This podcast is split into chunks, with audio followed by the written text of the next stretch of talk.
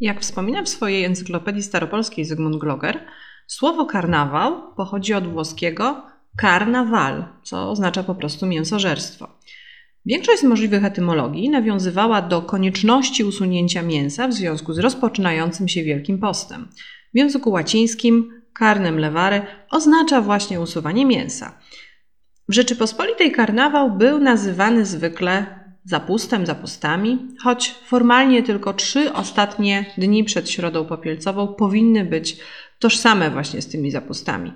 Dość popularna była jednak szersza definicja zapustu, utożsamiająca go z karnawałem i pozwalająca na określanie tym mianem okresu rozpoczynającego się albo od Nowego Roku, albo od Święta Trzech Króli, przy czym ten drugi początek wydaje się bardziej poprawny, i kończącego się w przeddzień Środy Popielcowej.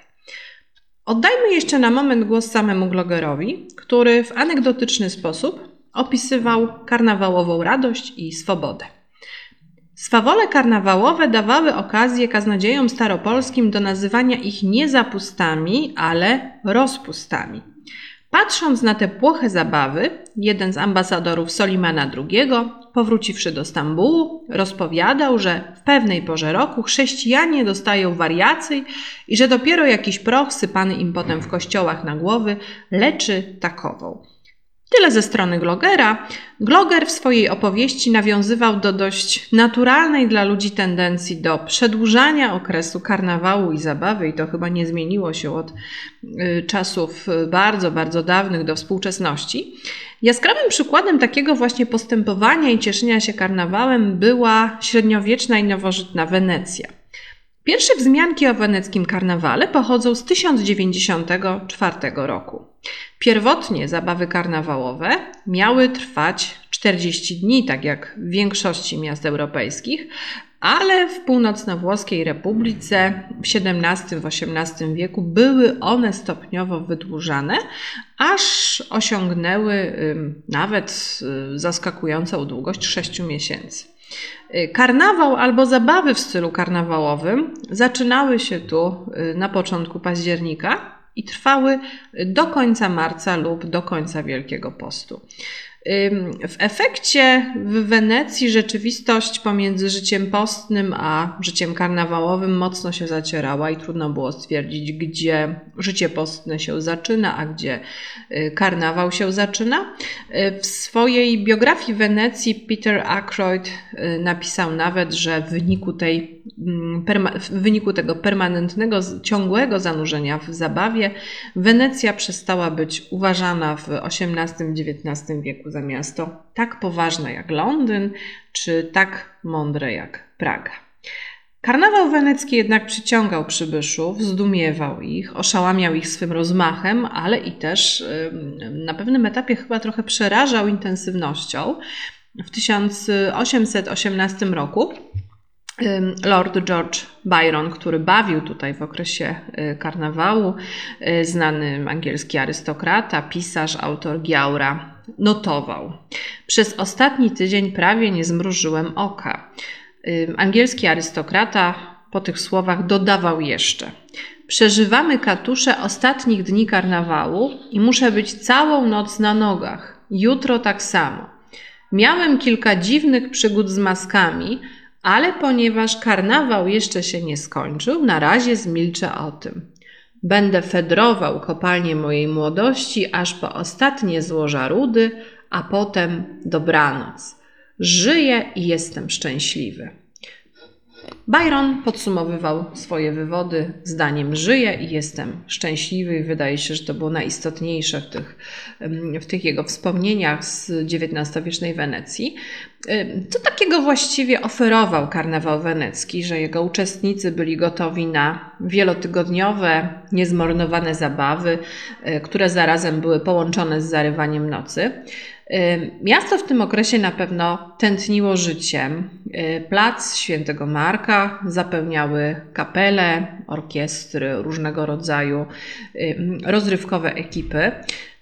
Ulice zastawione były przez teatrzyki lalkowe, urządzano na nich także bale y, maskowe. Do tych bali maskowych jeszcze za moment powrócę, bo one nawet współcześnie bardzo mocno y, kojarzą się właśnie z karnawałem weneckim. Elita y, oczywiście uczestniczyła w tych, w tych zabawach, ale też gromadziła się w operze, w której odbywały się najznamienitsze bale maskowe. Trakcie tych bali maskowych rozstrzygano konkursy na najlepsze przebranie. E, przy okazji można było też zdobyć jakieś nagrody, przy czym wydaje się, że nie same konkursy i same, same nagrody były tutaj najistotniejsze. Chodziło raczej o udział w pewnym elitarnym wydarzeniu. Do tego wszystkiego dochodziło gro wydarzeń dość luźno związanych ze stylistyką karnawałową, ale takich wydarzeń o charakterze rozrywkowym. Więc dla osób zainteresowanych Wenecja oferowała między innymi walki byków, pokazy fajerwerków, występy linoskoczków, wróżbitów, a nawet różnej maści szarlatanów. Właściwie w takiej atmosferze każdy mógł znaleźć coś interesującego i odpowiadającego z jednej strony wyrafinowanym upodobaniom, ale nie tylko wyrafinowanym, również bardziej ludycznym, popularnym, nawiązującym do pewnej stylistyki, e, stylistyki ulicy. Jak już zaznaczyłam, z karnawałem ściśle powiązane były maski, czyli w języku włoskim volti. Maski prawdopodobnie były w modzie już w wieku XIII, a w późniejszych okresach tylko i wyłącznie zyskiwały na popularności, ale też mocno zmieniała się ich stylistyka. W XV wieku noszenie masek w okresie karnawału było już standardem. Powstał nawet specjalny cech malarzy, którzy trudnili się ich produkcją. Wenecjanie przebierali się w sposób bardzo zróżnicowany. Z jednej strony można było na ulicach zobaczyć ulubione postacie Wenecjan z rodem z Commedia dell'arte, y, a więc mm, pojawiał się tutaj Arlekin, który wdziewał pstrokaty strój. Y, z kolei pantalony symbolizujący Wenecję wkładał czerwoną kamizelkę i czarną pelerynę. Z drugiej strony uczestnicy karnawałów ubierali się z reguły w sposób nieco bardziej stonowany. Y, celem, y, celem głównym takiego, takiego ubioru, przywdziania było zamaskowanie, dlatego też uczestnicy karnawału najczęściej okrywali się jedwabną lub aksamitną mantylą. Mantyla zakrywała głowę. Y, na mantylę zakładano trójgraniasty kapelusz, to było opcjonalne. No i to, co najistotniejsze, twarze zasłaniano maskami, te maski były różne. Kobietom z reguły przypisywano maski czarne, mężczyznom przypisywano maski białe. Y, całość dopełniała obficie drapowana peleryna nazywana domino. Maski oczywiście nie zapewniały całkowitego kamuflażu, ale nawet jeśli ktoś został rozpoznany w czasie karnałowych szaleństw, nie należało tego ujawniać obowiązywały zasady dyskrecji i komfortowej anonimowości. Maski stanowiły nieodzowny element karnawału. Myślę, że nie sposób było uczestniczyć w weneckim szaleństwie, nie przywdziawszy wcześniej maski, która w ten sposób zyskiwała status nieoficjalnego symbolu karnawału weneckiego i jako symbol y, przetrwała do czasów współczesnych. Warto też zauważyć, że karnawał wenecki miał różne wymiary. Tu nie chodziło wyłącznie o zabawy, o samo przebieranie się. Karnawał wenecki miał także y, pewien praktyczny wymiar. Y, to kilkumiesięczne szaleństwo rozciągnięte w czasie niesamowicie nakręcało wenecką gospodarkę, która od schyłku XVI wieku nie znajdowała się w najlepszej formie, zresztą w związku z pewnym ogólnym, ogólny, z pewną ogólną stagnacją w rejonie Morza Śródziemnego. Y, wspomniany już biograf Wenecji Akroyd podaje, że z karnawału żyło 7 teatrów, 200 restauracji, oraz trudna do określenia liczba miejsc, w których parano się hazardem i rozpustą. Karnawał z pewnością decydował o atmosferze Wenecji i już w XVIII wieku przyciągał rzesze podróżników spragnionych udziału w jego szaleństwach. Odmienny charakter miał karnawał organizowany w XVII i XVIII wieku w Saksonii, który wraz z Augustem II i Augustem III z dynastii Wettynów zawitał również do Warszawy, a także, jak się wydaje, wpłynął y, w jakiejś mierze na atmosferę ówczesnych siedzib magnackich. Polacy karnawałowi organizowanemu z inicjatywy Sasów zawdzięczają znajomość takich form rozrywki jak maskarady, czy też zabawa w gospodarstwo, Wirtschaft. Wirtschaft co prawda znany był już wcześniej, ale, ale za Sasów nabrał on pewnego takiego charakterystycznego charakteru, z którym mogli Polacy się właśnie w XVIII wieku zapoznać. To właśnie czasy Augusta II były y, przełomem y, dla karnawału saskiego, który praktycznie nie istniał y, od początków XVI wieku i został restytuowany przez elektora około roku 1695. To też nie znaczy, że w Dreźnie nic się nie działo w XVII wieku. Tamtejsza kultura dworska była wyrafinowana, ale to właśnie Fryderyk August, elektor Fryderyk August zainicjował bardzo szerokie obchody karnawałowe. Inspiracją artystyczną była dla niego zapewne Wenecja. Fryderyk August odwiedził Wenecję podczas swojej edukacyjnej podróży Grand Tour w styczniu 1689 roku. Fryderyk August bardzo intensywnie uczestniczył w ówczesnym weneckim karnawale. Niektóre imprezy zostały zresztą zaaranżowane specjalnie dla niego. Książę Saski obserwował słynne zaślubiny z Bożem otwierające nowy rok, ale także uczestniczył w typowych dla Wenecji takich rozrywkach jak maskarady, korowody oraz bale. Samo wskrzeszenie idei karnawału dworskiego raczej nie było przypadkowe. Oczywiście nie do przecenienia jest w tym względzie element ludyczny, który pozwalał zgromadzonym w Dreźnie lub w Warszawie doskonale bawić się w okresie zapustów. Jednak e, z punktu widzenia funkcjonowania i propagandy władzy królewskiej, karnawał dworski spełniał o wiele istotniejszą funkcję. Przede wszystkim był on spektaklem. Spektaklem organizowanym z ogromnym rozmachem e, i wymagającym dużych nakładów finansowych. Spektakl ten miał utwierdzać poddanych elektora w przekonaniu o znakomitej sytuacji ekonomicznej i politycznej jego państwa. W ten sposób bogactwo imprez karnawałowych stawało się symbolem dobrobytu Saksonii. I kolejna kwestia. Podczas festynów, podczas inscenizacji August II wykorzystywał szereg symbolicznych, aczkolwiek czytelnych nawiązań, które miały między innymi przypominać o jego monarszym majestacie. Temu służyła na przykład kreacja Augusta, który wcielał się w postać Saturna bądź Jowisza i kroczył na czele karnawałowego pochodu. Wspaniałość i splendor zapustów były więc nie tylko sygnałem wielkości państwa, ale i doskonale wpisywały się w filozofię augustowej propagandy władzy. Należy też dodać, że organizacja takiego każdego karnawału dworskiego była skomplikowanym przedsięwzięciem logistycznym. Ten ciągnący się tygodniami spektakl miał swój ściśle określony, bardzo precyzyjny scenariusz, w którego ustalanie osobiście angażował się monarcha. Szczegóły zostały w 1712 roku złożone w ręce specjalnego urzędnika, nazywanego y, dyrektorem królewskich przyjemności. Y, tutaj posługiwano się nomenklaturą francuską. Ów funkcjonariusz dworski zwany był Directeur de Plaisir du Roi. Zróżnicowane i spektakularne rozrywki były ułożone w powtarzalnym cyklu, którym rządziła sekwencja kilku zmiennych schematów.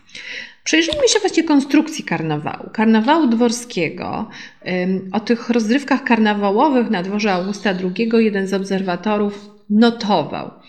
Divertimenta zapustne continuant, raz pastorella, drugi raz komedie francuskie, a reduta co dzień oprócz piątku i soboty. Tyle ze strony naszego, naszego obserwatora. On podkreślał przede wszystkim karnawałową dynamikę, zarazem zauważał, że karnawał miał swój scenariusz zgodny z preferencjami i wyobrażeniami władcy. Istniało kilka wariantów spędzania czasu na dworze w okresie karnawału. Z reguły wieczór rozpoczynało przedstawienie w teatrze lub operze, po którym następowała uroczysta, zainscenizowana kolacja. Miejsca zajmowane w trakcie tej kolacji oraz menu nie należały do przypadkowych. Bardzo często to Fryderyk August osobiście ustalał te detaliczne kwestie. Wieczór kończono wystawnymi bankietami, asamblami lub redutami, w trakcie których bawiono się i tańczono. Z reguły też wdziewano które August II uwielbiał. To też zapewne jakaś wenecka reminiscencja.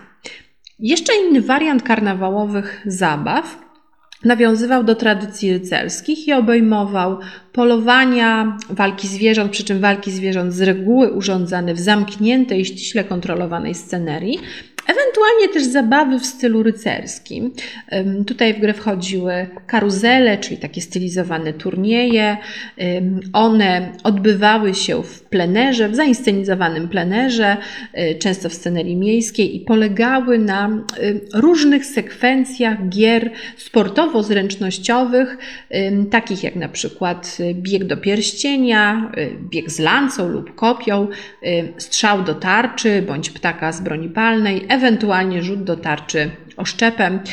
Jeśli chodzi o karuzelę, dobór owych gier sportowych, zręcznościowych, to myślę, że wszystkie kombinacje były możliwe. Jakbyśmy się przyjrzeli y, scenariuszom karnawałów z Augusta II, różnego rodzaju sekwencje owych zabaw można by było spotkać.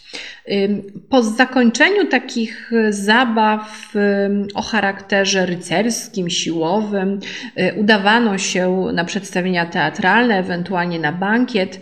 Zabawy w tej sytuacji mogły przeciągać się do późnych godzin nocnych, Y, wielokrotnie autorzy gazetek pisanych albo pamiętnikarze notowali, że król zakończył zabawę o drugiej w nocy, o czwartej w nocy. Tu, tu wiele zależało od um, konkretnego dnia i od um, możliwości ochoty samego władcy. Y, jeśli zabawy przeciągały się do późnych godzin nocnych, y, z reguły kolejny dzień miał nieco, nie, miał nieco mniej dynamiczny charakter, król odpoczywał y, i zadowalał się na przykład tylko udziałem w przedstawieniu teatralnym. Wszelkie scenariusze rozrywek były uzupełniane pewnymi stałymi elementami, takimi jak pokazy sztucznych ogni, iluminacje, ewentualnie też armatnie salwy. Na ulicach Drezna można było zobaczyć barwne pochody grup, czyli tak zwanych band, których członkowie byli przebrani zgodnie z fantazją Augusta II, na przykład za Francuzów, Murzynów, starych Niemców, Indian, etc. Bardzo chętnie organizowano takie maskarady, których uczestnicy symbolizowali na przykład cztery strony świata, cztery pory roku lub też cztery żywioły. Ten karnawał, który August II organizował w Dreźnie, oczywiście wpływał w jakiś sposób na rozrywki, które były organizowane również w Rzeczypospolitej. Ale to, że te rozrywki, które były oferowane przez dwór drezdeńsko-warszawski, były one wspaniałe i olśniewające, nie oznaczało, że były one automatycznie i bezkrytycznie naśladowane na dworach magnackich i szlacheckich.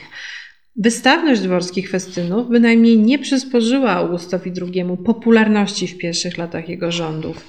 Wystawne reduty, bankiety, spotkania teatralne y, wywołały, jak się wydaje, pewien wstrząs kulturowy, swoiste zderzenie, bo nijak nie przystawały do form typowych dla chociażby propagandy królewskiej, które znane były jeszcze z czasów wazów czy też z czasów sobieskich.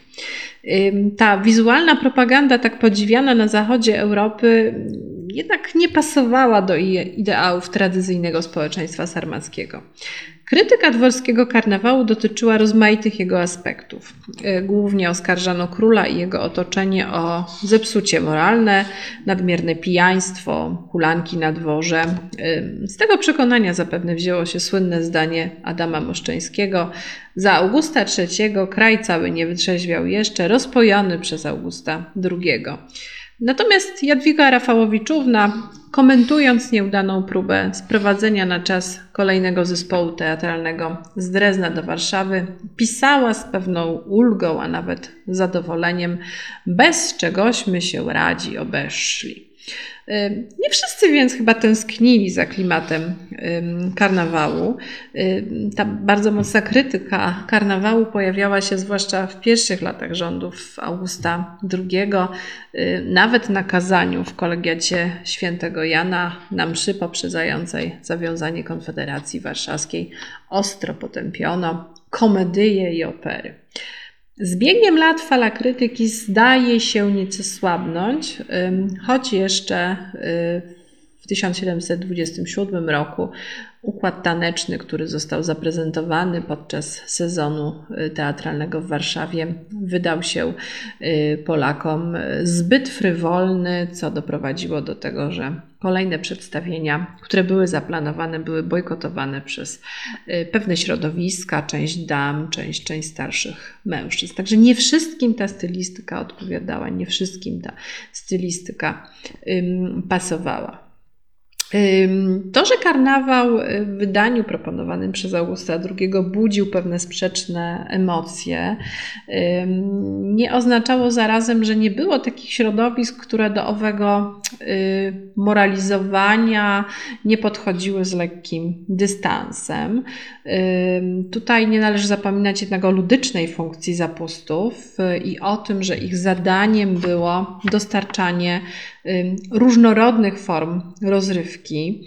Y, wydaje się, że były takie miejsca, były takie dwory, na przykład dwory magnackie, na których chętnie nawiązywano do stylistyki zapustów właśnie w wersji warszawskiej, w wersji drezdeńskiej. Już z lat 20. XVIII wieku na przykład pochodzą informacje o maskaradach, które organizował w Krakowie starosta spiski Teodor Lubomirski. Kilka lat później na wydawane przez niego cykle karnawałowych redut przybywali urzędnicy i szlachta praktycznie z całego województwa małopolskiego. Y, więc w ten sposób karnawał y, ekspandował z dworów magnackich ten wzorzec w jakiejś tam mierze y, pewnie przenikał również do, do dworków szlacheckich. Czy był naśladowany, to już zupełnie inna kwestia. W czasach Augusta III karnawał trochę się zmienił, stał się bardziej wysublimowany. Właśnie w czasach Augusta III, następcy Augusta II, na popularności zyskała reduta i reduta była jednym z tych elementów, które stały się nieodzowne dla magnackiego karnawału w drugiej połowie XVIII wieku. Tu wielką sławą cieszyły się chociażby maskarady organizowane przez Izabelę Czartoryską w Puławach. Wydaje się, że stopniowo poszerzało się grono organizatorów zabaw karnawałowych. Y, na przykład w gazecie pisanej z Warszawy z lutego 1725 roku notowano, że co prawda króla nie ma aktualnie w Warszawie, y, ale są przecież zapusty i dlatego rolę inicjatora z rozrywek przejął y, prymas. Y, to u niego trwały asamble dla licznego warszawskiego towarzystwa. Y, tutaj również grało się w bassetę, y, czyli w popularną wówczas grę karcianą. W tym samym czasie również w Warszawie u podkomorzego koronnego odbywały się bale maskowe, więc każdy mógł znaleźć coś, coś, coś dla siebie. Towarzystwo, jak się wydaje, było liczne, bawiło się dobrze, a te modele rozrywek, które można było było obserwować w Warszawie w 1725 roku, jednak przypominały e, styl karnawałowy lansowany w Dreźnie i w Warszawie przez Augusta II. Ciekawa informacja pochodzi z trochę późniejszego okresu. Jest to list z lutego 1762 roku, który e, chorąży Metycki pisał do Podczeszego Wileńskiego. E, w tym liście można znaleźć informację, Tutaj cytuję: Tak rozkoszne zapusty jejmość panna strażnikowa miła w karuzelu swoim okraszać raczy gonitwą. Zmetycki wspomina o, o rozrywkach typowych dla y, karnawału drezdeńskiego, które są organizowane w zupełnie innych ośrodkach niż tylko, niż tylko dwór. Więc zdarzały się i takie mniej typowe przykłady przenikania na dwory magnackie popularnych rozrywek. Raczej nie było to zjawisko powszechne czy masowe. W ogóle y, to, że tego typu informacje znajdują się w listach, w listach świadczy o tym, że patrzono na nie jak na pewną ciekawostkę, wydarzenie o charakterze nadzwyczajnym. Zapusty w tym stylu były pewną obyczajową ciekawostką w przypadku panny strażnikowej. Być może ta stylistka wynikała z jej indywidualnych y, preferencji. Jędrzej Kitowicz, y, konstruując swój opis obyczajów, nieprzypadkowo zaznaczył, że wielcy panowie i można szlachta zabawiała się w okresie zapustów i nie tylko, organizując bankiety i tańce. Kitowicz doskonały obserwator, y, świetny kronikarz. Y, nie wspomina w kontekście karnawału o różnorodności czy wyrafinowaniu magnackich rozrywek. On zwrócił uwagę raczej na nadmierną intensywność tych najbardziej popularnych, bardzo ludycznych zabaw, które w jego opinii często przeciągały się poza dzień środy popielcowej, powodując spore zgorszenie. Więc karnawał miał też taki, taki zupełnie inny wymiar. Karnawał, y, widać, że nie tylko w Wenecji był przeciągany, tego typu inicjatywy zdarzały się w Rzeczypospolitej i nie wszystkim to się oczywiście podobało. Co pozostało z tych nowożytnych karnawałów? Na pewno pozostało zamiłowanie do zabawy i y, pewna fascynacja maską. W XVIII-wiecznym Paryżu czy Londynie y, bale maskowe już nie tylko w okresie karnawału, przyciągały spore grono osób zainteresowanych tą formą rozrywki. Sama królowa Maria Antonina bardzo chętnie udawała się do paryskiej opery, by zakosztować atmosfery anonimowości i rozrywek wykraczających poza znane dotychczas schematy, znane oczywiście na dworze w Wersalu. W Londynie w połowie wieku XVIII jeden z pisarzy nawet ubolewał, że opera w stolicy Anglii podupadła, bo ludzie stracili zamiłowanie do tej formy rozrywki i, tutaj cytuję, bardziej ich bawi staroangielski bewsztyk niż wysublimowany trel eunucha. Nowożytny karnawał był dla ówczesnych ludzi z całą pewnością ofertą o magnetycznej mocy, bez względu na to, o jakiej części Europy mówimy. Pozwalał na znaczną anonimowość, pozwalał na zatracenie granic, również w odniesieniu do płci oraz stanów. Stanowił też doskonałą szansę na wyśmienitą zabawę, z której przecież dzisiaj chętnie korzystamy, zwłaszcza w okresie poprzedzającym Środę Popielcową.